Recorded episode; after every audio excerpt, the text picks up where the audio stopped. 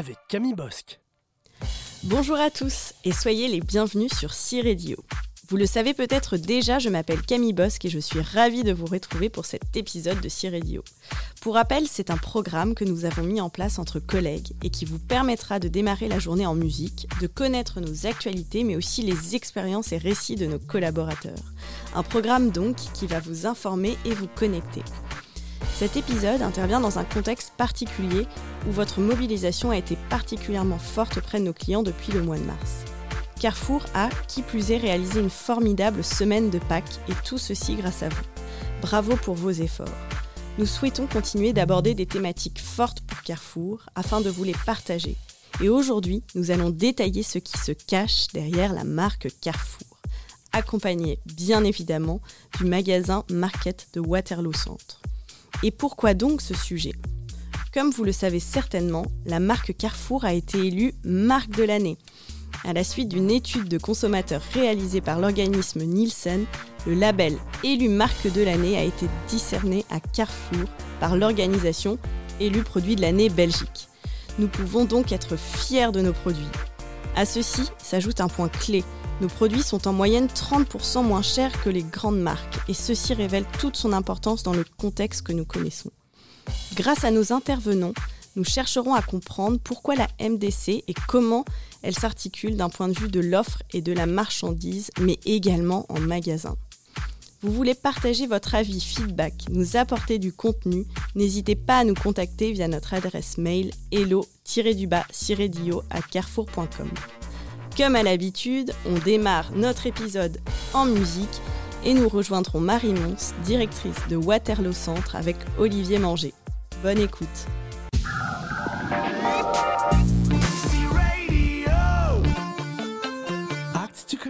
Je suis avec un collaborateur de Waterloo pour un choix de chanson. Bonjour, est-ce que tu peux te présenter? Bonjour, donc moi c'est Thomas, je suis collaborateur aux fruits et légumes. Merci Thomas. Alors, euh, quel choix de chanson euh, voudrais-tu partager avec les auditeurs de C-Radio Alors, donc moi j'ai choisi Flume et Shitfaker, Drop the Game. J'aime bien cette chanson, ça te met dans un chouette mood pour travailler. Super, on s'écoute ça, merci. Give me things that I wanted to know. Tell me things that you've done. I've been feeling old, I've been feeling cold. You're the heat that I know. Listen, you are my sun. I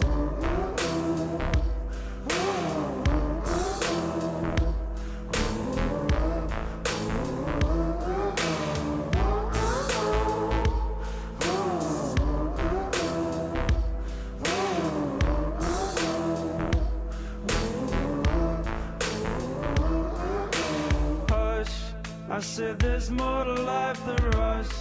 Not gonna leave this place with us. Drop the game, it's not enough. Hush, I said there's more to life than rush. Not gonna leave this place with us. Drop the game, it's not enough. I've been seeing, oh, I've been seeing your soul. Give me Tell me things that you've done. I've been feeling old, I've been feeling cold. You're the heat that I know. Listen, you are my sun.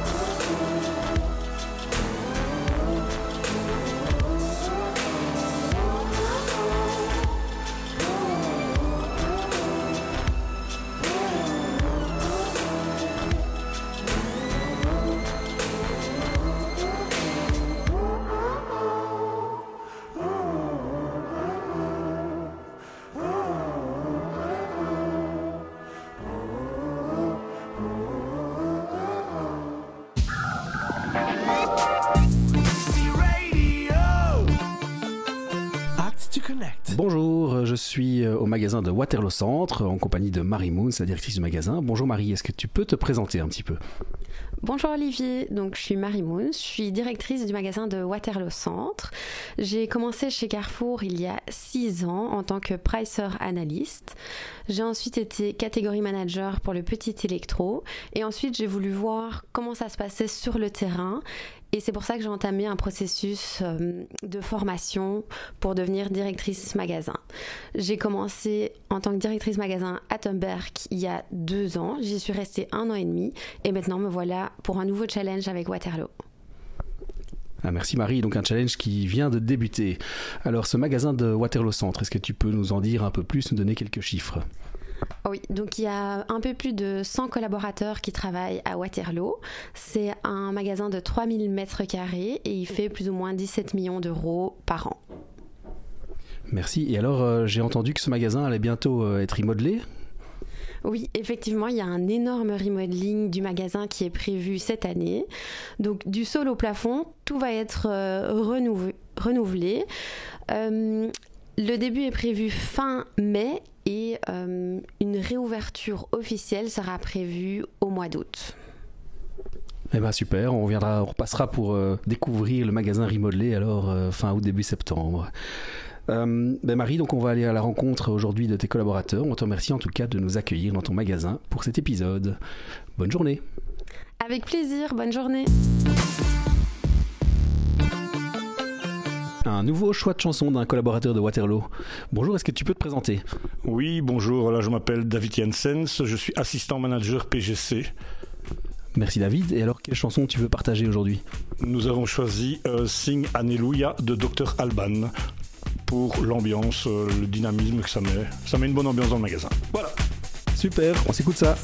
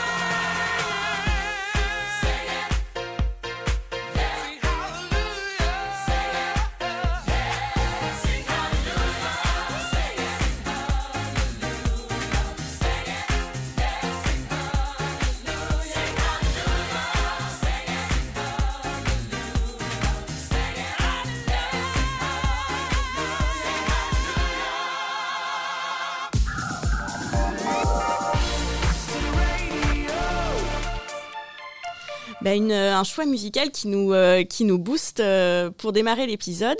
Euh, nous avons euh, aujourd'hui une première rubrique euh, sur le développement de l'offre et pour ça, nous accueillons euh, François. Bonjour François. Bonjour, Enchanté. Est-ce que tu peux te présenter pour nos magasins? Donc je m'appelle François Bernard, j'ai 43 ans, ça fera 20 ans en septembre que je travaille chez Carrefour. J'ai fait pas mal de choses en 20 ans, donc j'ai commencé en magasin dans les hypermarchés, dans le non-alimentaire comme manager de rayon, puis euh, beaucoup aux achats, en épicerie et un peu en PLS, quelques années au concept, et puis là, depuis le mois de novembre, j'ai repris le développement de l'offre. Ok, intéressant. Donc développement de l'offre. Je crois savoir que c'est un nouveau département. On va en parler dans le cadre de la MDC, mais peut-être on peut en profiter pour présenter ce nouveau département. Donc en effet, le, département a été créé en novembre 2000 2022, donc ça fait six mois. On est 34 personnes en tout, réparties en quatre équipes. Il y en a une qui s'occupe des planogrammes et trois autres qui s'occupent de l'offre, splittée par produit, on va dire. Donc il y en a une qui fait le non-food, une pour les produits frais et une pour le PGC. Ok, euh, pour aller plus en détail et par rapport à notre sujet, donc la MDC, c'est quoi le rôle donc, de, tes équipes bah, sur la MDC Donc, notre euh, mission principale, globalement, c'est de guider le Catman dans ses choix d'assortiment réguliers. Donc, on tient compte des attentes des clients, euh, des analyses de la concurrence et on veille à avoir une offre appropriée dans nos différents formats de magasins et e-commerce. Euh, donc, on doit pouvoir répondre aux besoins de l'ensemble de nos clients. C'est pour ça qu'on fait très attention à la pyramide des prix euh, sur chaque catégorie. Donc, euh, historiquement, la marque Simple couvre la, base de la pyramide avec les prix les, les moins chers. Puis, on a la marque Carrefour qui est plutôt au milieu de la pyramide. Mais on voit aujourd'hui que la marque Carrefour se développe sur des euh, innovations plus valorisées, originales. Et un peu comme les grandes marques. On voit d'ailleurs qu'on a été élu sur pas mal de produits euh, marque de l'année 2023. Et c'est la preuve de, cette évolution vers davantage d'innovation et de créativité. Tout à fait, bah, Marie Niemens euh, viendra en parler un peu plus tard. Donc voilà, donc, si je comprends bien, euh, vous travaillez main dans la main avec le catégorie manager ou le chef de produit euh, pour la MDC. Aussi pour comprendre, pour se remettre dans le contexte par rapport au groupe, est-ce qu'en Belgique on a des objectifs sur la MDC Est-ce qu'on est déjà bien euh, positionné avec euh, des taux de détention Est-ce que tu peux nous en dire un peu plus là-dessus? Alors, on a des- effectivement des objectifs ambitieux par rapport au Ouais. développement de la marque Carrefour. Et aujourd'hui, euh, la marque Carrefour se porte très bien, notamment, euh, c'est notamment lié au problème de, de préoccupation, de pouvoir d'achat des clients. On voit que les clients se tournent vraiment beaucoup vers, vers la MDC. Ouais, ouais, ça Et fait au- sens avec le contexte, oui. C'est ça. Et aujourd'hui, on, on est plutôt en ligne avec les attentes par rapport au groupe et on est plutôt même dans les bons élèves euh, du groupe. Donc il y a un suivi qui est fait hein, toutes les deux semaines. On suit le, top 1000 de la marque de Carrefour en hyper et le top 750 en market. Il y a aussi un split entre nord et sud afin de coller au mieux aux réalités des marchés parce que parfois c'est vraiment très très différent les performances des produits au sein d'une catégorie entre le nord et le sud. Donc on, on fait vraiment attention à cette différence.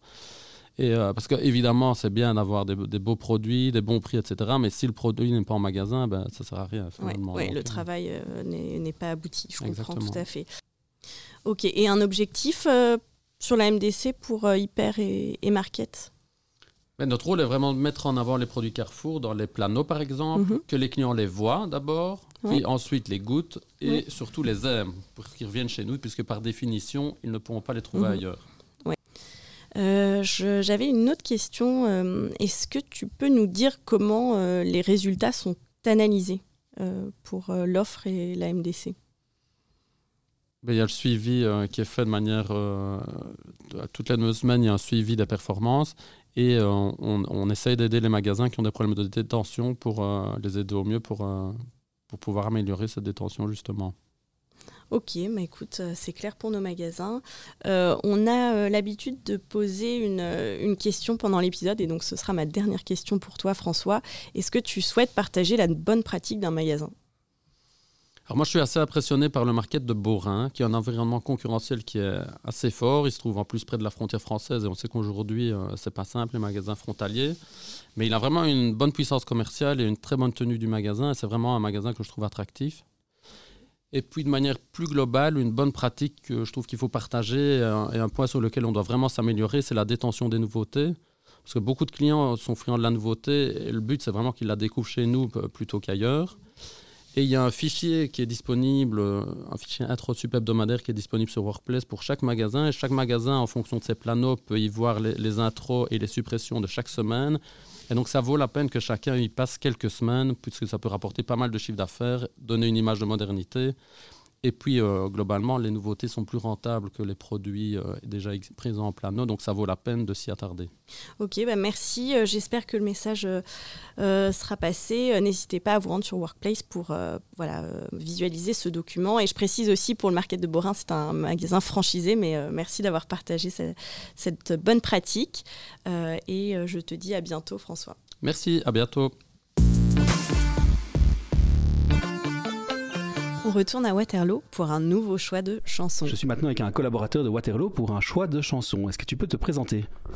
Je suis Fabrizio Polisotto et je suis assistant manager de la boulangerie. Et quelle chanson souhaiterais-tu écouter? J'ai choisi Adve- Adventure of a, a Lifetime de Coldplay. Et je vous souhaite euh, du bonheur avec ces chansons.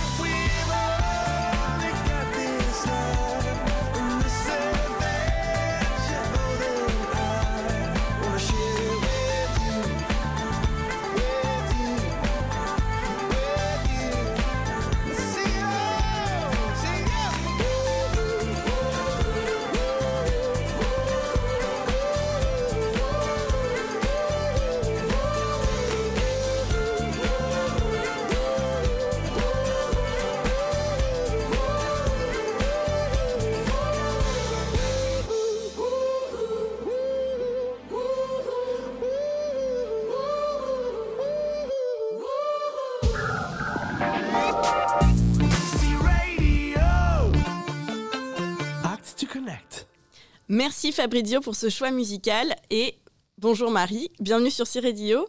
Est-ce que tu peux te présenter? Bonjour, donc moi c'est Marine Mens, je suis chef de produit et je m'occupe euh, notamment de la marque Carrefour pour le rayon surgelé, ultra frais et basique.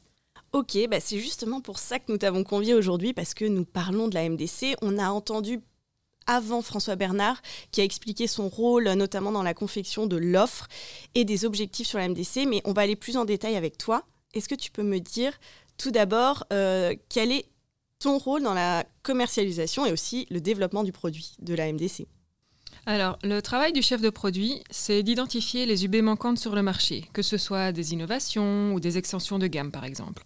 Le but, c'est vraiment de répondre aux besoins des consommateurs, tant au niveau du prix que de la qualité.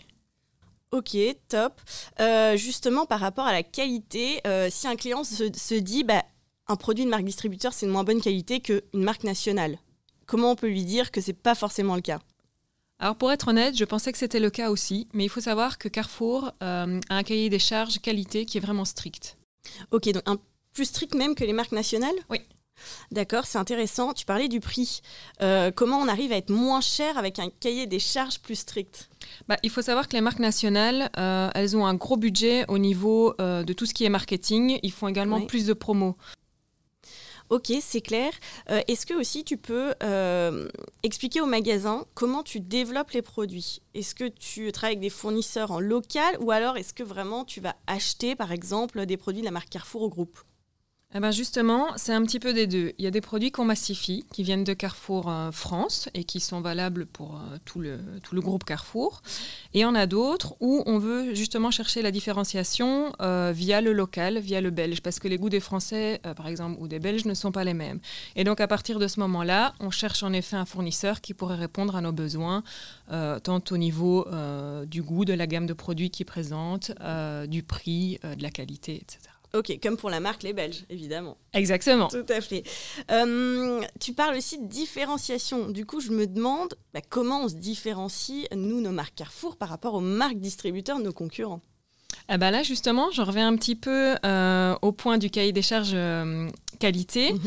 Euh, il faut savoir que Carrefour a un cahier des charges qui est le plus poussé du marché au niveau des private label. D'accord. C'est les fournisseurs qui le disent d'ailleurs. Et donc, au niveau des additifs, euh, etc., qui sont rajoutés, on est vraiment beaucoup plus strict. Ok, et euh, Marie, dernière question. Est-ce qu'il y a un produit que tu as envie de mettre en avant euh, ou tu as envie de parler ou partager au magasin?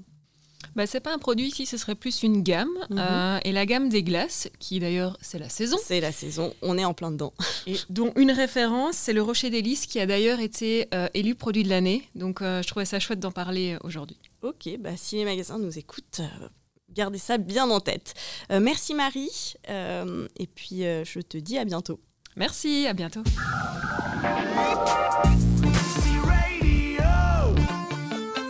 Act to connect. Et tout de suite, un nouveau choix d'un collaborateur de Waterloo Centre. Euh, bonjour, est-ce que tu peux te présenter? Oui, bonjour. Donc, je m'appelle euh, Quentin Clemens. Je travaille dans le rayon boulangerie. J'ai choisi la musique euh, Imagine Dragons parce que c'est une musique qui me donne beaucoup d'énergie et du boost pour travailler. Je préfère travailler en musique et avec une musique que j'aime beaucoup. Parfait, et le titre? Demons de Imagine Dragons. C'est parfait, on s'écoute ça. Merci. And the days are cold and the cards all fold and the saints we see are all made of gold when your dreams all fail and the ones we hail are the worst of all and the bloods run stale I wanna hide the truth, I wanna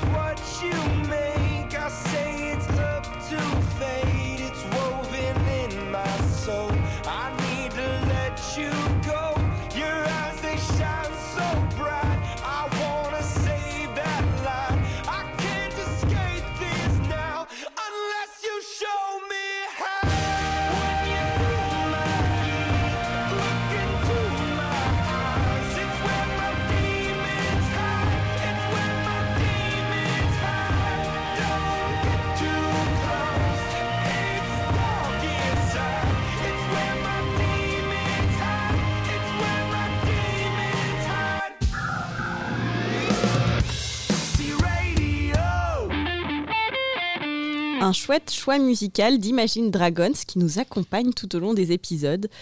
Et désormais, nous retrouvons euh, Thomas Limpens pour les news.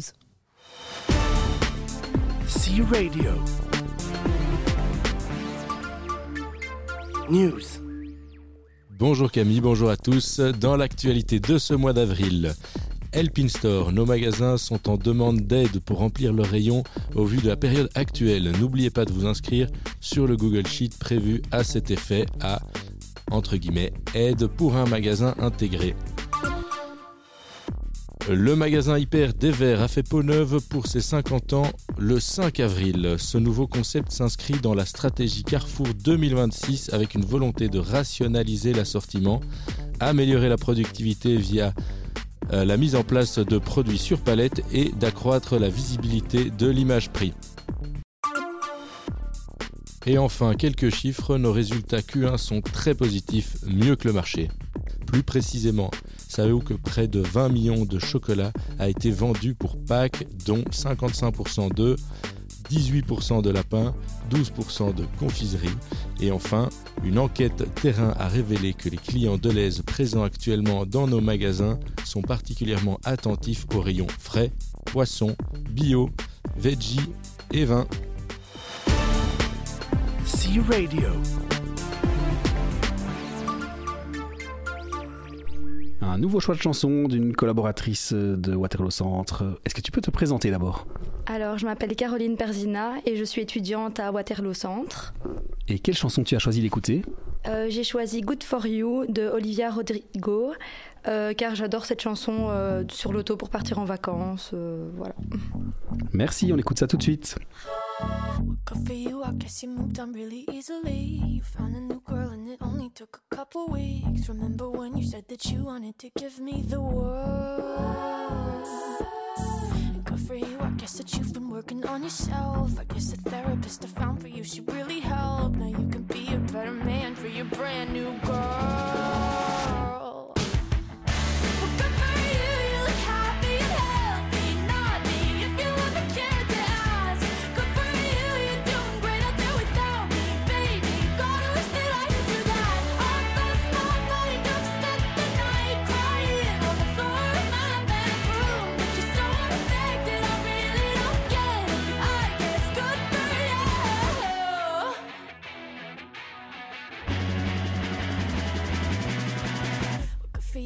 Guess you're getting everything you want. You bought a new car and your career's really taking off. It's like we never even happened, baby. What the fuck is up with that?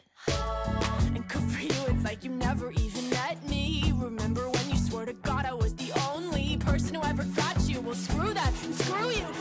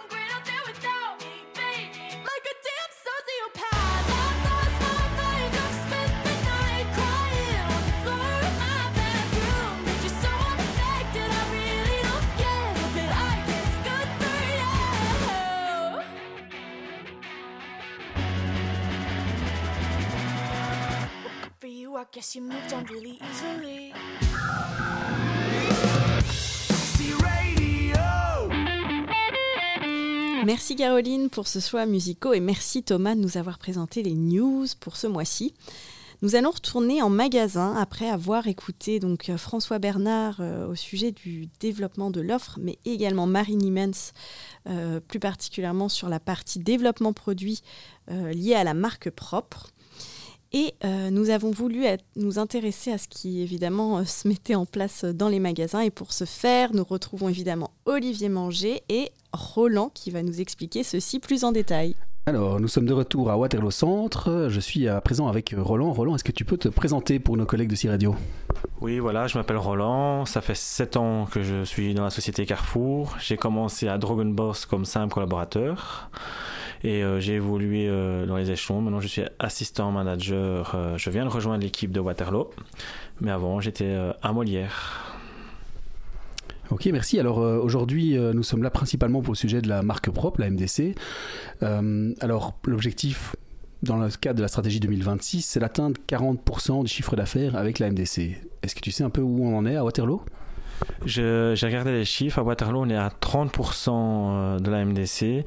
À Waterloo, les clients ne sont pas très regardants euh, sur, euh, sur les prix, mais on met tout en avant euh, avec balisage, euh, prix, prix à vente. Ok, merci. Donc euh, effectivement ici, ben voilà, je me trouve dans le magasin et j'observe, je vois que effectivement euh, le balisage est très clair euh, au niveau euh, au niveau de la MDC, euh, notamment sur tous les prix bloqués et tout ça qu'on retrouve dans tous les rayons.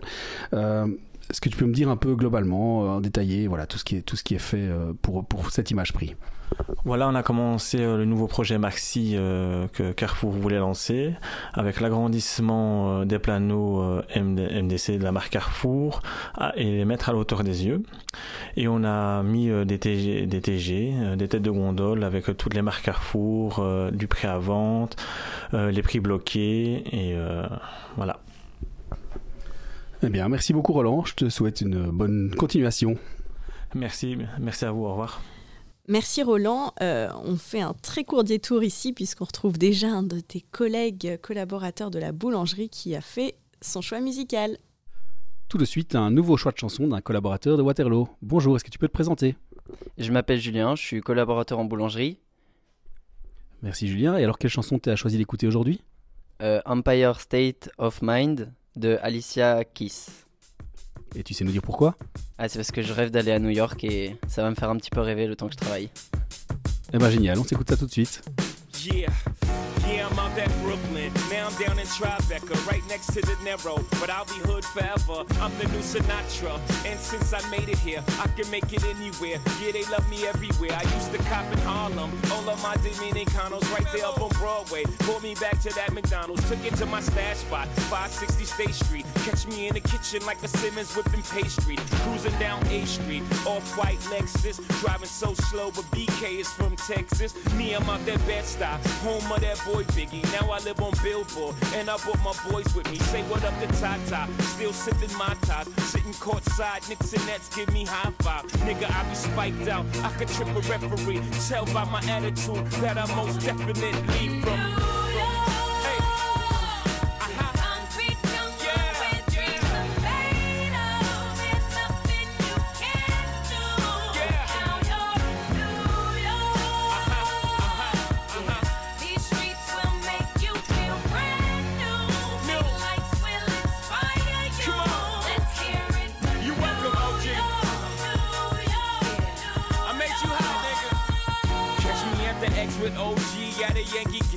I made the Yankee hat more famous than the Yankee can. You should know I bleed blue, but I ain't a crypto. But I got a gang of niggas walking with my click though. Welcome to the melting pot. Corners where we selling rock. Africa been by the shit. Home of the hip hop. Yellow cap, gypsy cap, dollar cap, holla back. For foreigners, it ain't fair. They act like they forgot how to act. Eight million stories out there in the naked city. It's a pity half of y'all won't make it. Me, I got a plug special ed, I got it made. If Jesus paying LeBron, I'm paying Dwayne Wade. Three dice CeeLo, three card Marley. Labor Day parade, rest in peace, Bob Marley. Statue of Liberty, long live the World Trade, long live the King, yo. I'm from the Empire State. That's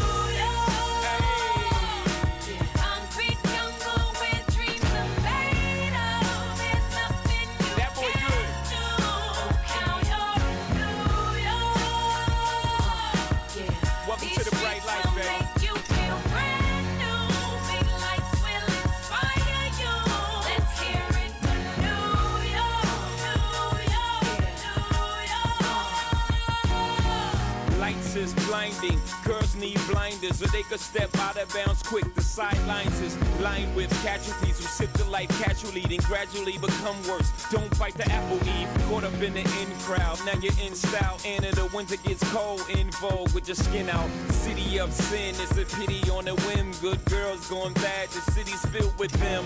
Mommy took a bus trip, now she got a bust out. Everybody ride her, just like a bus route. Hail Mary to the city, you're a virgin. And Jesus can't save you, life starts when the church in. Came here for school, graduated to the highlight. Ball players, rap stars, addicted to the limelight. Empty and May got you feeling like a champion. The city never sleeps, better slip you an ambient. And,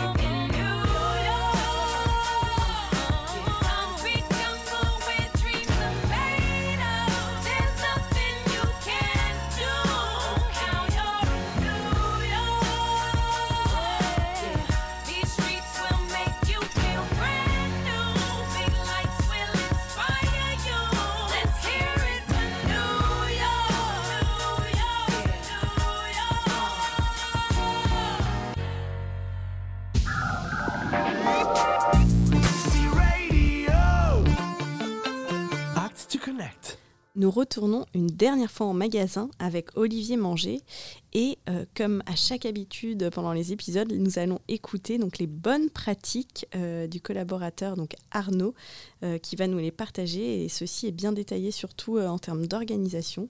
Donc je vous invite à l'écouter.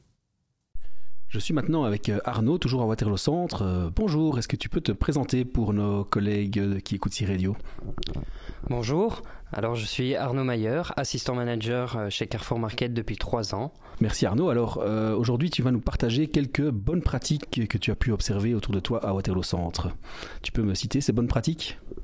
Alors oui, alors tout d'abord, je pense que la communication est d'un point les plus importants. Euh, nous avons aussi bah, l'expérience des anciens qui peut fortement euh, aider et également nos réunions hebdomadaires faites avec notre directrice. Merci. Alors est-ce que tu peux nous en dire un peu plus sur ces, sur ces trois points? Euh, oui, bien sûr. Donc euh, la communication, je pense qu'elle est très importante, euh, non seulement pour favoriser tout ce qui est cross-shopping. Nous sommes plusieurs assistants, plusieurs rayons, donc c'est important qu'on travaille ensemble. Alors l'expérience des anciens, ben, des programmes sont lancés chez Carrefour, comme le FNR, qui est une gestion de stock et plus une gestion de commande. Donc je pense que l'expérience des anciens, non seulement sur les promos, mais sur la gestion des stocks, est très importante et rappelle aussi la communication. Nos réunions hebdomadaires nous font évoluer grâce à notre, à notre briefing et débriefing de chaque semaine. Euh, c'est ce qui permet aux assistants d'avancer grâce à leurs directeurs et managers. Merci Arnaud, c'est très clair. Euh, juste une dernière chose que je vais te demander, est-ce que tu aurais une chanson que tu voudrais euh, entendre euh, dans l'émission de C-Radio Bien sûr, alors je vais penser à mon équipe. Euh, je vais choisir Indochine, nos célébrations. Merci, on s'écoute ça tout de suite. Bonne journée Arnaud. Bonne journée à vous.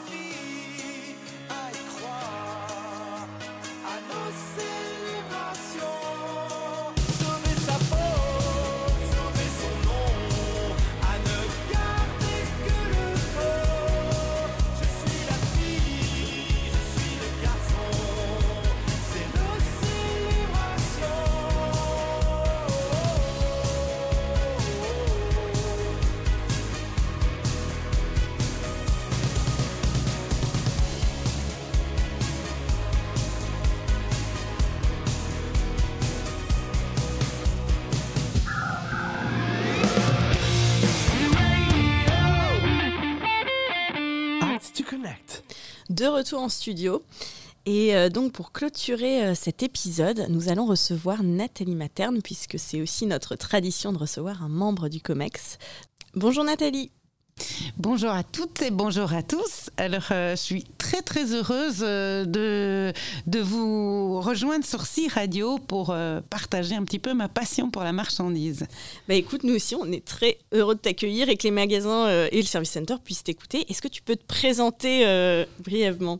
Avec grand plaisir. Alors, euh, je suis Nathalie, euh, j'ai 51 ans, je suis la maman et la belle-maman d'une jolie tribu de quatre adolescents. On a aussi deux chouettes chiens et, j'ai un compagnon, bien sûr, euh, à la tête de, toute cette tribu. Euh, j'ai rejoint Carrefour il y a un an et demi avec la furieuse envie de découvrir euh, vraiment le monde de la grande distribution. Et ce que j'ai fait avant, pendant 25 ans, ben, j'ai été assise de l'autre côté de la table, c'est-à-dire que j'étais fournisseur, notamment chez Coca-Cola, Kellogg's, InBev et Mars. Ok, bah merci pour cette présentation très complète et euh, c'est intéressant d'en savoir plus sur ton parcours. Euh, voilà, aujourd'hui nous te recevons au sujet de la MDC, de la marque propre Carrefour. C'est la thématique de notre épisode. Euh, on demande toujours, vu que tu es membre COMEX, de nous dévoiler la stratégie, et donc ici la stratégie de la MDC. Est-ce que tu peux nous en dire plus? Ah oui, avec plaisir. D'abord, peut-être rappeler à tout le monde que la marque propre, eh bien, c'est un élément central de notre stratégie. Et pour réussir à développer cette marque propre, eh bien, on va devoir garder un quart d'heure d'avance. Vous allez me dire, mais Qu'est-ce que ça veut dire euh, d'abord et où on en est? La première chose, ben, il faut savoir qu'on a à peu près une part de marché de 40%. Notre ambition, au bout du plan stratégique de ce cheminement qu'on va faire ensemble pour la développer, c'est d'atteindre 45%. Donc, il faut pour ce faire qu'elle soit centrale, euh, notamment qu'elle ait une place centrale dans notre offre. Ok, Euh, ça, ça, c'est très clair. Donc tu parles de la développer. Est-ce que je peux te demander quels sont les moyens qui sont mis en œuvre justement au niveau de la marchandise? Alors, il y a plein de choses. La première chose, pour la développer et en vendre plus, eh bien, on va d'abord résoudre un premier problème auquel on a été confronté l'année dernière, qui sont les ruptures. Et vous l'avez constaté en magasin, il y a eu, il y a trop de ruptures sur la marque propre. Donc, on a développé des nouvelles méthodes de travail avec les industriels qui développent notre marque propre pour avoir de meilleures estimations des ventes. Et pourquoi? Parce qu'avec la crise, eh bien, on a vu que notre marque propre, eh bien, on en vendait beaucoup plus qu'avant. Du coup, il faut que les outils de production soient adaptés, en tout cas qu'on produise plus pour nous en livrer plus. Ça, c'est la première chose. La deuxième chose, si on veut garder un, un- un quart d'heure d'avance, eh bien, il faut être innovant. Ça, ça va être fort important. Donc, on va continuer à introduire encore des marques propres au sein de notre assortiment. Notre assortiment va encore grossir. Notamment, il y a un focus qui va être mis pour cette année, vu qu'on est en crise économique, c'est sur les premiers prix. Ça, c'est important, d'aider vraiment tous nos clients à avoir des produits euh, abordables. Ok, via la, la marque Simply. Exactement. Ok, très bien. Exactement. Si on ne trouve pas en Simply, eh bien, on, on mettra sur le marché une marque qu'on appelle no name. Ça veut dire Ouais. qu'une marque qui n'est pas connue, mais qui est vraiment le premier prix dans le rayon. Ensuite, ce qu'on va faire, c'est adapter évidemment nos planogrammes. Au fur et à mesure que en magasin on reçoit de nouveaux planos, eh bien on va voir que cette marque propre, elle prend de plus en plus d'ampleur. Et puis, dernier, dernier pilier et, et qui est important aussi, avec nos collègues du marketing, eh bien, on développe des campagnes fortes. Vous les voyez en magasin, les campagnes de pouvoir d'achat, vous les voyez sur les, sur les réseaux sociaux. Et qui est le héros des campagnes de pouvoir d'achat? Ben, C'est notre marque propre, tout Oui, simplement. tout à fait, comme la campagne euh, de la marque propre, 30%, en moyenne 30% moins cher que, que euh, les marques nationales. Oui, donc d'ailleurs, voilà, 30% moins cher que les marques nationales. Je, voulais poser cette question, est-ce que ça modifie notre façon de travailler avec bah, ces marques nationales? Alors, tu sais, ce qui modifie notre façon de travailler avant tout, c'est le comportement du client. Et ce qu'on a pu constater depuis le début de la crise, c'est que généralement, quand un client se retourne vers la marque propre, eh bien, quand ta marque propre est de bonne qualité, un bon rapport qualité-prix, il y reste. Et nous, on voit que semaine après semaine, on recrute de nouveaux clients. Alors, est-ce que pour cela, il se retourne complètement euh, et fait le dos à la marque nationale? Non. En promotion, il a ce plaisir de retourner vers la marque nationale. Donc si je prends un exemple très très simple, j'avais par exemple l'habitude de consommer, d'acheter des, des chips Lace. Depuis la crise, ben, j'ai essayé les chips Carrefour. Il y en a une, une gamme super étendue et euh, notamment avec euh, des très belles sélections en sensation et tout ça. Euh, eh bien, je suis convaincue, j'y reste. Mais quand Lace va faire une promo bien attractive, euh, vraiment une promo euh, importante, eh bien, je me fais un petit plaisir et je reprends ma marque nationale. Mais pour mon quotidien, je reste en marque propre. Ouais, donc d'où l'importance aussi de renforcer euh, la promotion, l'activité promotionnelle sur les marques nationales. Ça. Absolument. Et ça, c'est aussi un axe stratégique. Tout à fait. Évidemment, notre marque euh, propre est au cœur de notre stratégie, mais on travaille avec la marque nationale. D'ailleurs, je ne sais pas si vous savez, mais dans le paysage, dans, la distribution belge, Carrefour est euh, le, distributeur qui a la plus grande part de marque nationale. Ça, c'est intéressant de le savoir. Merci Nathalie. Euh, dernière question euh, par rapport à la MDC. Donc, tu parlais par exemple des chips sur sélection qui avait une étendue très importante. Est-ce qu'il y a des priorités euh, en termes de famille de produits pour la marque, la marque propre euh, le- l'objectif c'est de développer ça pour toute la ou surtout euh, sur euh, l'épicerie Enfin, à toi de nous dire. Alors, très sincèrement, on a des développements à faire, des produits à rentrer dans toutes les catégories. Euh, L'équipe de l'offre qui euh, fait un travail fabuleux, c'est-à-dire qu'elle va nous identifier les potentiels qu'on a catégorie par catégorie. Alors, ça peut être ce qu'on appelle un trou d'offre, un produit qui nous manque, et euh, on le regarde grâce à des données chiffrées, mais aussi au retour client. Et donc ça, c'est les retours que généralement les magasins euh, reçoivent, euh, donc en critiseurs et, et des choses comme ça. Mais on va aussi, chaque catégorie a un rôle. S'il y a des catégories, par exemple, qui sont, qui, qui- qui sont en régression, eh bien, on va peut-être moins développer la marque propre que sur des catégories fortement en croissance. D'accord, oui, oui, c'est tout à fait compréhensible. Écoute Nathalie, merci beaucoup euh, pour euh, cet échange sur MDC. On a une petite question bonus pour toi. Euh, Est-ce que, voilà, on parle d'Act for Change, c'est aussi le but de C-Radio. Est-ce que tu peux me dire de quoi tu es le plus fier? Alors, moi, en ce moment, je suis, un, particulièrement fier, un, de mes équipes, de l'énergie qu'on met à réaliser ce plan stratégique. Mais alors, on a obtenu euh, vraiment une reconnaissance dont on est tous très très fiers. On a, avec la marque propre, été, été élu marque de l'année. Alors, il faut vous dire que c'est pas c'est pas rien. Non, hein. non, tout à fait. C'est un organisme indépendant qui a réuni 10 000 euh, consommateurs et il a fait tester les marques propres. Et oui, nous sommes les meilleurs. Nous sommes meilleurs que Colruyt, qu'Alberten, que les autres retailers.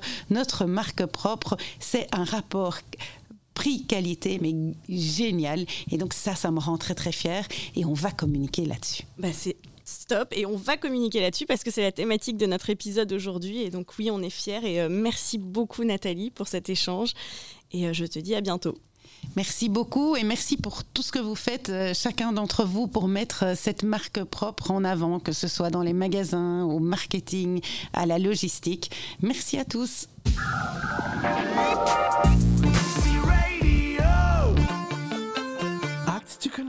Merci à tous pour votre écoute, merci à nos intervenants et également merci au magasin de Waterloo Centre.